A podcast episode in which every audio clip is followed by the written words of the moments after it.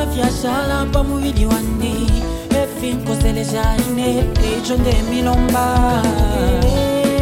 nkondeisa mukampela meshia onwa nafu ecilaka kuno ndefuma kankokele nkondeisa mukampela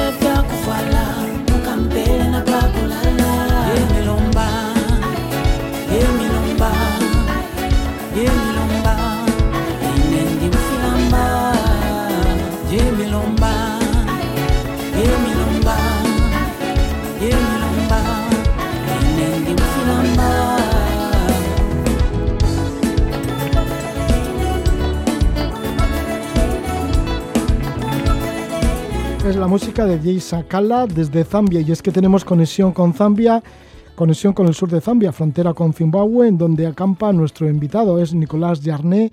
Nicolás, que recorre el continente africano en moto. Su idea es hacer los cinco continentes en moto. Él es de Madrid, trabaja en marketing digital. Recién cumplido los 18 años, ya hizo, ya hizo su primer viaje en moto, se fue hasta Escocia. Y bueno, pues ahora pretende hacer una larguísima travesía de todos los continentes del planeta. Para hacer el continente africano salió el 16 de noviembre de 2017 de Mallorca y bueno, pues hasta el momento ha hecho alrededor de 30.000 kilómetros, la mitad de ellos por pistas y le localizamos, como decimos, al sur de Zambia. Le damos la bienvenida a Nicolás Yarné. Buenas noches, Nicolás. Buenas noches, ¿qué tal va todo? Nicolás, en este momento, ¿en dónde te encuentras? Así como qué es lo que estás viendo, como, como que estás igual ya tranquilo, ¿no? Después de que ya pas, has pasado, supongo, una difícil jornada. Digo difícil porque eh, son muchos días ya acumulados, ¿no? De viaje. Sí, sí, sí, pues ahora mismo estoy eh, al sur de Zambia. Eh, he acampado, he conducido durante todo el día, no han sido malas las carreteras de hoy y he acampado en una especie de albergue, hotelillo que hay en un río y estoy aquí al lado del río. Eh, hace frontera con Zambia, no, te sé decir, el, el, es de estos que están en mitad de un poco de la nada, no está en ningún pueblo, está muy cerquita, vamos, eh, eh, casi salgo hoy por la frontera de Zambia, me han dado la vuelta, me han dicho que por allí no era, de Zimbabue quiero decir, perdón. Es la segunda vez que conectamos contigo en este programa, en Levando Anclas, la primera ocasión fue en Mali, te encontrabas en un pueblo al sur, cerca de la frontera con Costa de Marfil. ¿Cómo saliste de Mali? Pues, pues, pues sí, es cierto. Eh, estaba al sur y creo que, pues al día siguiente o par de días después de hablar contigo, crucé hacia Costa de Marfil porque no me di cuenta que me había caducado la visa. Me había, era un febrero que tenía 28 días, si no recuerdo mal, y me habían puesto la visa que caducaba el 30 de febrero o el 31, que no existía. Por lo tanto, una mañana me desperté estábamos en marzo y el, el, visado me caducaba en febrero. Y nada, pues tiré corriendo para allá esperando que, que no se dieran cuenta o que, si se, o que fueran a lo más agradables posible y, tuve mucha suerte, fueron muy agradables, me invitaron a comer, eh, no sé si se dieron cuenta eh, y si se dieron cuenta no dijeron nada, así que salí de allí hacia Costa de Marfil. Fuiste a Costa del Marfil, luego pasaste a Burkina Faso, estuviste por Togo, Benín, en Nigeria, en Camerún, en Gabón, en Congo Brazzaville, Angola, Namibia y ahora pues sí, estás en Zambia. En Burkina Faso, por ejemplo, bueno, es que te han pasado tantas cosas, pero en Burkina Faso, por ejemplo, tenías que pasar un río y la moto la montaste en una barcaza, bueno, diríamos en una canoa, pero bueno, es que era una canoa así como tan frágil que por poco se, se cae la canoa y todo, o sea, la moto y todos, ¿no? Sí, eh, aquí las cosas funcionan, en, sobre todo en los países un poco más del norte. Ahora ya, desde que estoy en Namibia, parece que está todo bastante más organizado y más tranquilo, pero en todos estos países de Angola, Nigeria, Togo, Benin, funciona todo un poquito al límite. O sea, si esa canoa tiene las maderas justas para flotar. Si le quitas una, ya se hunde. Los coches, los camiones, va todo, va todo igual. Entonces, pues bueno, en vez de ir por carreteras principales que suelen tener puentes, a mí me gusta siempre perderme para intentar buscar lo rural.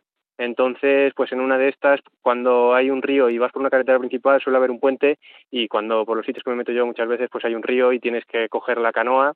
Ellos te dicen que sí a todo porque son muy apañados y pues tú te dejas llevar, te fías, quieres cruzar el río y, y al final de momento han salido bien todas estas, pero es pues canoa pues que, da miedo. Si lo, piensas luego por la noche llega cuando llegas al sitio y, y te alegran mucho de haber llegado porque no las tengo yo todas conmigo cada vez que me subo una de esas.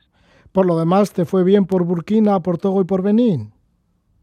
Sí, sí, sí, la verdad que no tuve ningún problema. Por allí están bastante tranquilos, hay poco turismo y, y no tuve ningún problema. Entraste en Nigeria, un país en el que dicen, bueno, pues que hay que pasar rápido, ¿no? Porque puede ocurrir cualquier cosa, que es bastante inseguro. Sin embargo, te quedaste Sí, un mes creo- y medio. Sí, pues hice más o menos por allí estuve, sí, porque todo el mundo me había avisado desde que desde que desde que entré en Marruecos, todo el mundo me iba avisando de que de que mucho cuidado en Nigeria, que allí eran demonios, me decían algunos que eran piratas y y que tuviera mucho cuidado, eh, me contaban historias que a la gente le gusta mucho o nos gusta mucho ir contando historietas que vamos escuchando, entonces iba bastante preocupado cuando entré. Y según entré, eh, vi que la cosa, que no había dragones volando ni había piratas por las calles, la gente era muy agradable porque precisamente por, por, por, porque es un país que suena tan peligroso, no hay casi turismo. Y al no haber turismo, eh, digamos que despiertas cierta atención en ellos y, como que se preocupan más por ti, te preguntan, te intentan ayudar y eres un, objeto curioso en su, en su zona que no, que no pasan casi nadie como tú. Por lo tanto, vi que me estaban tratando muy bien, que el sitio es, es, es, intenso. Yo creo que es uno de los países más intensos y hay que andar con un poquillo de ojo a veces, pero encontré gente muy buena, gente alucinante por allí y al final pues yo, yo me voy dejando llevar. Si el sitio me gusta, me quedo, si el sitio no me, no me llama, pues voy un poquito más rápido. Y al final pues de eso, debí estar cinco o seis semanas más o menos y, y sin ningún problema. Tuve la policía es un poquillo más así que en los demás países. O sea, es un país yo creo que es de los más intensos y ya todo toda esta costa es intensa. Pero probablemente sea de los más intensos, pero sin, sin ningún problema. ¿Qué fuiste por la costa de Nigeria? Eh, sí, fui bordeando más o menos la costa hacia abajo y luego hasta llegar a Calabar, que es una ciudad que está me llamó mucho la atención encontré gente que chavalillos jóvenes que están montando sus propias ONG se ha creado allí un pequeño círculo de, de, gente que quiere hacer cosas sobre todo gente joven y me gustó mucho conocí allí un par de chicos que tienen sus ONGs para uno de ellos saca niños de la calle y los pone en colegios o sea recauda dinero de la gente él con su con su propia energía nadie le ayuda el gobierno no no les pone ni un lugar para para para para que pueda trabajar y pues bueno, lleva tres años ayudando niños, ha sacado 300 y pico. Estuve yo con él pues una semana y yo creo que ha sido de las semanas más duras de, del viaje en cuanto a ver la realidad que hay por aquí, porque con los niños son niños muy pequeños y, bueno, pues fue durillo y, me quito el sombrero ante, es un chaval que tiene ahora 19 años y empezó con 16 años y un amigo suyo, eh, son un grupillo de gente y todos están metidos, digamos que se retroalimentan entre ellos yo creo y otro está defendiendo los derechos de las, de las mujeres en Nigeria. Hay mucha mutilación femenina en, en, en este país y está pues ayudando, vamos, tiene su propia ONG y eh, de hecho la reina Isabel II el mes pasado le ha dado un premio al joven más influyente o algo así, total, que son gente muy especial y después de allí me fui hacia un santuario que tienen chimpancés y tienen driles y, y demonios. También me, me llamaron mucho la atención cuando les fui conociendo estos bichos. En concreto, ¿cuál es esa realidad que te han mostrado estos chavales que recogen niños de la calle y así? Pues pues cuando cuando estas cosas cuando las ves en la tele, pues pues al final tienes una barrera que no que no que no te llega a penetrar del todo. Cuando te las cuentan de primera mano, pues lo mismo, te pones un poco en situación, pero pero no te llega, hay algo aquí que no, no, te llega a entrar, pero cuando tú, y por ejemplo yo paseaba con él por la calle, eh, hice muy buenas amigas con él y íbamos por allí a dar paseos, me iba enseñando la ciudad y de repente íbamos por una calle y salían, gritaban, ¿cómo le llamaban? Daddy, papá, le, llamaban papá, de repente se empezaban a oír gritos de papá, salía un grupo de 10 niños de la calle, de pues tienen 8, 10 años, 12 años los mayores y van corriendo a abrazarle entonces son, la, la, Nigeria tiene un problema y es que ahora mismo hay unos 8 millones de niños viviendo en la calle. Entonces es, es, son muchísimos y, y, son como, pues les tratan como perros. O sea, la gente ni les hace caso, la policía les, les trata fatal y están muy desprotegidos. Entonces, este contacto tan directo con ellos, por ejemplo, hubo un día, si, si te puedo contar la anécdota, la que más me marcó, una historia, te la voy a resumir muy rápido. Era un, un niño, no recuerdo el nombre, tenía nueve años y, bueno, hicimos una reunión un día de ellos que, vinieron bastantes niños de, aquí, de la calle, pues les hacen juegos y les entretienen y, les intentan sacar un poco de la realidad tan dura en la que viven. Entonces, por la noche el niño no se quiso volver a la calle, como, como también es bastante lógico. Se quedó con este chico todo el día y durmió con él y a la mañana siguiente me lo encontré yo. Entonces le, le pues compré comida, le invité a comer y, me contó la historia y es un niño, creo que es eh, nueve años. Tenía un hermano gemelo y en, las navidades pasadas, o sea, se, yo estuve allí en, marzo, abril, no recuerdo, pues las navidades anteriores eh, a su madre la, la fueron a robar y la mataron. Y él y su hermano gemelo vivían con la madre. Entonces, de la noche a la mañana, ellos estaban en el colegio y les gustaba, era una familia muy humilde, pero les gustaba el colegio y tenían su vida. De la noche a la mañana, los dos niños gemelos se vieron en la calle y en cuestión de un mes más o menos, eh, este, este niño que yo conocí perdió a su hermano, no sabe dónde está. Entonces, cuando contado no, no te llega tanto, pero cuando ves al niño y, le ves que tiene muchos modales, él solo recogía la mesa, cuando le, le ves que es un niño que, que no, no, tiene la culpa de nada y que simplemente la vida le ha tocado ser así, si te toca en un país como los nuestros todavía tienes alguna salida, pero en un país como Nigeria, pues le ves un niño con ocho años buscándose la vida en la calle, cuando él tenía su, a su hermano gemelo y tenía su madre y tenía su vida y pues eso, pues son situaciones que, que cuando las ves son duras, cuando te cuentan de cerca. Sí, sí, bueno, y como nos lo, has, nos lo estás contando también sí que sí que te llega y se nota que es que es duro, ¿no? Y luego esa intensidad de Nigeria es por, por todo esto que nos estás contando, más que luego igual hay bastante población y que tienes que estar mirando para un lado y para otro para ver lo que está sucediendo, porque seguramente que sí. cada, cada minuto está pasando algo. Sí, sí, sí, es un país muy peculiar por esto, porque son creo que unos 180 millones de personas, ha crecido muy rápidamente eh, y hay una desigualdad de clases tremenda, los ricos son muy ricos y el 99% son pobres, muy pobres, y pues está todo como muy, es un país como en ebullición, tiene como mucha energía, entonces no, ahora por ejemplo estoy en Zambia, que deben ser unos 15 millones, y tú te paras en la carretera, te paras a beber agua, e igual te encuentras a dos tíos que vienen, te saludan y ya está, en Nigeria hay gente por todos los lados y hay mucha, mucha energía, mucha actividad y no te puedes de dejar ni un segundo, no te puedes despistar ni un segundo porque por eso es un país muy vivo. Nicolás, ¿y dices que luego te fuiste a un santuario de chimpancés? Sí, allí en Nigeria me hablaron de un, de un santuario que había en a Afi Mountain, se llaman. Están a unas horas de, seis, siete horas de, de Calabar, de la ciudad esta, y bueno, fui a ver, a mí me gusta ir a ver y, y, y, según vea el sitio, pues ya pues me quedo una noche, dos o las que hagan falta y debí pasar unos diez días yo creo, igual dos semanas, no recuerdo. Y bueno, pues, pues vas viendo cómo trabajan por dentro. Al final todos esos países tienen, tienen un problema bastante gordo eh, porque la gente consume, le llaman bushmeat, todo lo, todo, todos los animales que hay dentro de la jungla, pues monos, chimpancés, uh, eh, cocodrilos, cualquier cosa que haya dentro, como pequeños panteras, todo lo panteras no, no me sale el nombre ahora, como guepardos, todo lo que hay dentro del bosque ellos se lo comen, no entienden que, que, los beneficios que pueden llegar a tener um, si, si los defienden y si se organizan total, que al final hay bastantes santuarios porque están muy, muy desprotegidos los, los animales. Entonces ves un poco cómo trabajan también. A mí me gusta ver cómo cómo tra trabajan desde dentro. Viven en semilibertad, les tienen en un, unos vallados muy grandes en mitad de la jungla electrificados y bueno, al final su, perdona si oyes unos gritos, es un pavo real que tengo por aquí dando vueltas. Sí, ya lo oigo, yo decía yo, pues yo pensaba será un bocinazo, yo qué sé, o alguien que, que no, de repente no. frena o no sé. No, me han aparecido pavos reales por aquí y, y, y bueno, pues aquí están de, de, compañeros. Pues te van a dar la noche igual, ¿no? Nicolás. Sí, sí, sí. sí. Bueno, ya estás no hay un segundo de descanso. Ya, ya, ya. Estás acostumbrado a esas noches de, de, de bueno, de, de, ruidos de animales salvajes. Sí, y al final pues duermes lo que puedas y sabes que no hay, no hay, no, no, no aquí no tienes nada por seguro. Bueno, si es un pavo real tampoco importa, ¿no?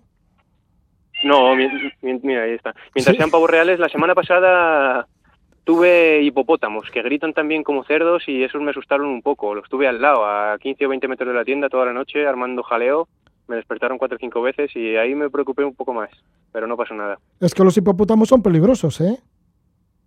Sí, pues sí, pues yo, yo pensaba que no, pero son, me han dicho que son, eh, no sé si el animal o de los animales que más, que más humanos matan en África.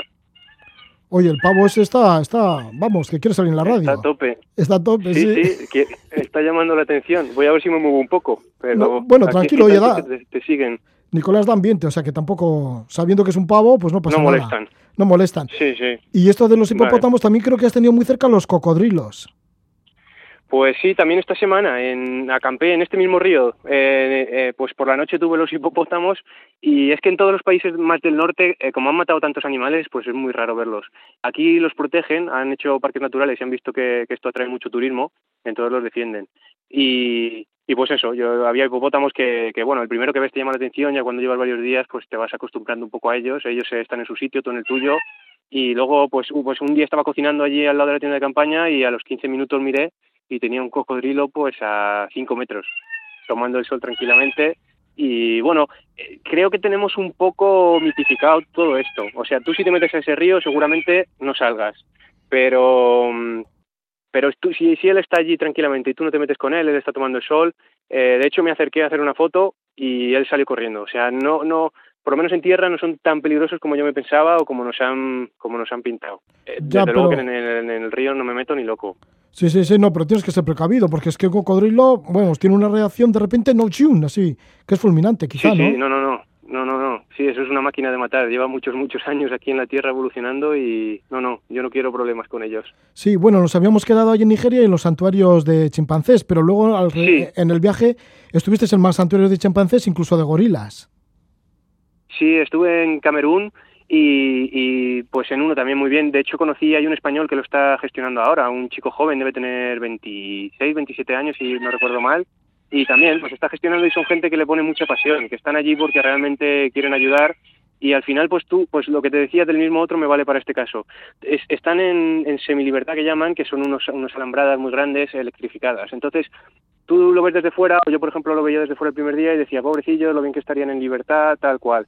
Pero luego cuando empiezas a hablar con ellos ves que, que su sueño es, es que puedan vivir en libertad, en la jungla, pero saben que si los sueltan, en dos meses no queda ni uno porque los han cazado todos. Entonces hay un trabajo más allá que debería hacer el gobierno que no hace, que es el de concienciar a la gente para, para, para, para que no cacen a todos estos animales. Entonces, pues eso, por detrás tiene mucha historia que, que al final pues es interesante. No es Sí. todo lo que, me, lo que lo que vengo a decir es que no es todo tan fácil muchas veces como parece, que vemos los animales ahí en una jaula y, y ya empezamos nos gusta criticar o, o decir, pero luego por detrás es todo mucho más complicado. Estuviste también cerca de una familia de gorilas, pero esto ya en, en- en el monte, ¿no? Realmente, pues Eh. gorilas en libertad. Sí, eso fue una experiencia de estas que te llevas para siempre. Eh, había un, una especie de caminata, fueron tres días por, por la jungla en Gabón con un guía y bueno, pues allí hay sitios en los que te garantizan que vas a ver los gorilas, pero están muy humanizados, digamos. Entonces están ahí esperando y, y bueno, no es un zoo ni mucho menos, pero, pero al final sabes a lo que vas. Y este sitio simplemente pues están allí los gorilas y tú vas y pues muchas veces no los ves, otras veces los ves. Entonces fue, a mí me gustó mucho porque, porque los encontramos, eran dos grandes y uno pequeñito, los encontramos en las copas de los árboles, cosa que es muy rara, no suelen subir, subir alto. Y bueno, pues no nos vieron y cuando nos vieron llevábamos un minuto, se asustaron, se pusieron nerviosos y se pusieron a gritar como locos. Estuvimos allí un minuto aguantando, de hecho lo tengo grabado en vídeo, saldrá en algún capítulo en algún momento cuando llegue a Gabón, que va a estar chulo. Y bueno, pues uno de ellos se puso a gritar como un loco, el macho, la hembra hace un- el típico ruido en el pecho de, de, King Kong. Pues cuando la hembra hace ese ruido, el macho sabe que, que tiene que actuar. Entonces bajó a por nosotros, eh, agarró una rama como bajan los bomberos por, por las por las torres estas que, que hay en las no me sale ahora. Bueno, como bajan los bomberos, pues lo mismo, el, el gorila agarró un árbol relativamente pequeño y bajó pues 20 metros en dos segundos. Entonces tuvimos que salir corriendo y de esto que se te para el corazón un par de, un par de segundos. Pero lo bonito es que el animal está en libertad, que si, si, si tiene esa reacción es que no está acostumbrado y le has visto cómo está y a mí me gusta mucho, pues eso, tener esa oportunidad fue, fue bonito y me asusté un poco. O sea, estas cosas. Bueno, es que tendría que asustar un montón, ¿no? Porque se enfurezca un gorila, tiene que ser tremendo. Sí, sí, eh, encima que, que yo no sabía que era, o sea, le- les, les veía que eran grandes, pero pesan unos 150, 160 kilos los machos y sí, son unos bichos enormes. Entonces se puso a gritar y viene por ti y sí, asusta, impresiona. La verdad que impresiona, es de estas cosas que impresionan. Sí, está en su derecho, el gorila. Bueno, oye, el pavo ese no, no para, ¿eh? No, no cesa, no cesa, algo quiere, no sé el qué, pero algo quiere. Bueno, oye, ¿y luego qué pasó? Después de estar en Nigeria, te fuiste a Camerún y en Camerún, en la frontera entre Nigeria y Camerún, pues es una zona bastante caliente de disputa, ¿no? Entre Sí. varios grupos no sé si de, de guerrilleros, con el ejército, hay bastantes rebeldes por ahí. Sí, pues ahora mismo yo pasé, pues, pues yo creo que era abril más o menos. Eh, un mes después de que yo pasara ya cerraron la frontera. De hecho, a mí estuvieron a punto de no dejarme entrar. Lo que pasa que cuando eres un poco insistente y un poco pesado y, y ven que vas para adelante, pues al final te acaban dejando. Pero, pero después, después la cerraron porque eh, Camerún fue colonia ah, era de los alemanes, cuando perdieron la guerra mundial se la repartieron, tuvieron la brillante idea de, de partirla en la mitad y repartieron una franja pequeña a los ingleses y otra a los franceses. Entonces, pues, pues hay una zona anglófona, que es la que hace frontera con Nigeria, y la zona francófona, que representa el 80% de, de la población. Todos los políticos son francófonos, el sistema educativo es francófono, están metidos los jueces, entonces se sienten muy discriminados los, los anglófonos. Se sienten ninguneados, de hecho les, les hacen bastante faenas desde el gobierno, de que les, les quitan la luz, les quitan internet durante un mes y cosas así. Entonces, pues eso. Yo tampoco sé muy bien porque estuve pues dos o tres semanillas por allí, me enteré de lo que pude, pero, pero la idea es que pues hay unos rebeldes que, que quieren independizarse, entonces ellos, los rebeldes, eh, atacan a los militares. Uh, los atacan en moto, por lo tanto uno va conduciendo, otro va con la metralleta, uh, asesinan al control y se largan corriendo.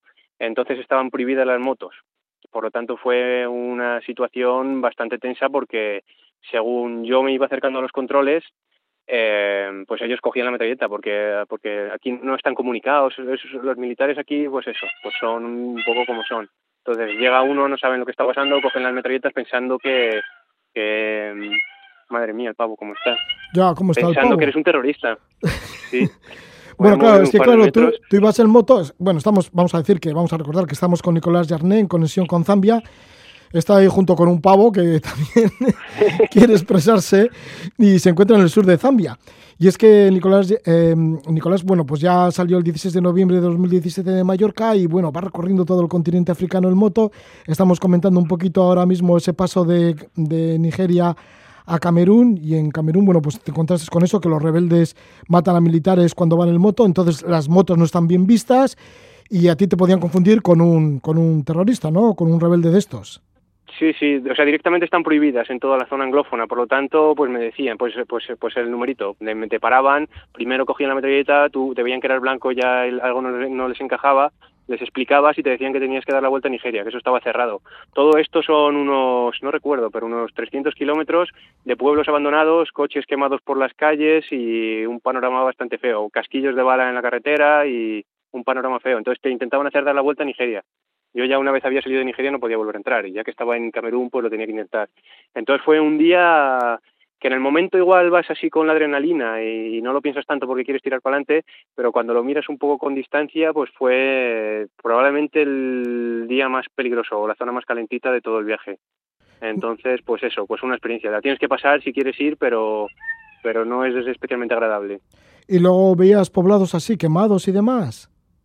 Sí, había pueblos enteros, eh, me llamó mucho la atención que había pueblos enteros con tiendas bien pues, o sea, aquí no se desperdicia nada. Entonces había pues veías una tienda entera y estaba todo abandonado, coches en la calle que estaban medianamente bien también abandonados, o sea, daba la sensación de que se habían ido de allí con urgencia, que no habían ido teniendo tiempo para irse, sino que se había puesto tan feo de repente que, que se habían ido todos corriendo, algunos casquillos de bala en un control vi y estaba la cosa pues fea, fea. El problema que tiene también es que los militares allí no aplican la justicia. Entonces, ellos les llega el chivatazo de que en un pueblo hay unos terroristas en un bar y llegan allí y acribillan al bar, mujeres, niños, a quien pillen. Entonces, es, es yo creo que es casi una guerra civil entre, entre ambos bandos. Entonces, sí, estaba bastante feo. Pues esto es lo que está viviendo Nicolás Jarné en este viaje en moto por África y todavía mucho más, porque luego atravesaste el río Congo, entraste ya en Angola, pero antes tuviste que montarte en una avioneta bastante destartalada. ¿Qué te sucedió ahí? Bueno, pues que no conseguí la visa de, República Democrática del Congo, me hacían volver un par de países hacia atrás y, al final pues Angola está dividida en dos partes. Tiene un exclave al, digamos, dentro de República del Congo y luego está el Angola Grande. El exclave se llama Cabinda, entonces tuve que entrar en Cabinda y la moto la mandé pues una de estas pateras y que, que, están a punto de hundirse también y, y yo tuve que coger una avioneta. Me costó muy barata, ¿eh? No sé si fueron 10 euros o algo así, pero era avioneta, creo que 19 plazas conté. Entonces te llegaba un poquito de viento y la avioneta se movía, tú les ves ahí, fueron solo 15 minutos de vuelo, pero no se me hicieron cortos. Nicolás, pues si te parece, paramos aquí este relato que estás haciendo sobre tus aventuras en el continente africano, recorriéndolo en moto. Ya sabremos en otra conexión qué te pasó en Angola, país en el que estuviste casi dos meses. Inclusive estuviste en contacto con los Jimba, los Jimba que también están en el norte de Namibia, pero en esta zona de Angola, pues estos Jimba no conocían el dinero ni sabían hablar el portugués, o sea que bueno, es una tribu como bastante ancestral, pero aparte de esto has tenido muchas más vivencias en otros países como por ejemplo el propio Namibia o ahora que estás en Zambia. Dejamos esta conexión y bueno, pues que te vaya bien con el pavo real, porque sé que no te puedes mover Sí. por el pavo real porque si no, eh, igual se va la cobertura, ¿no?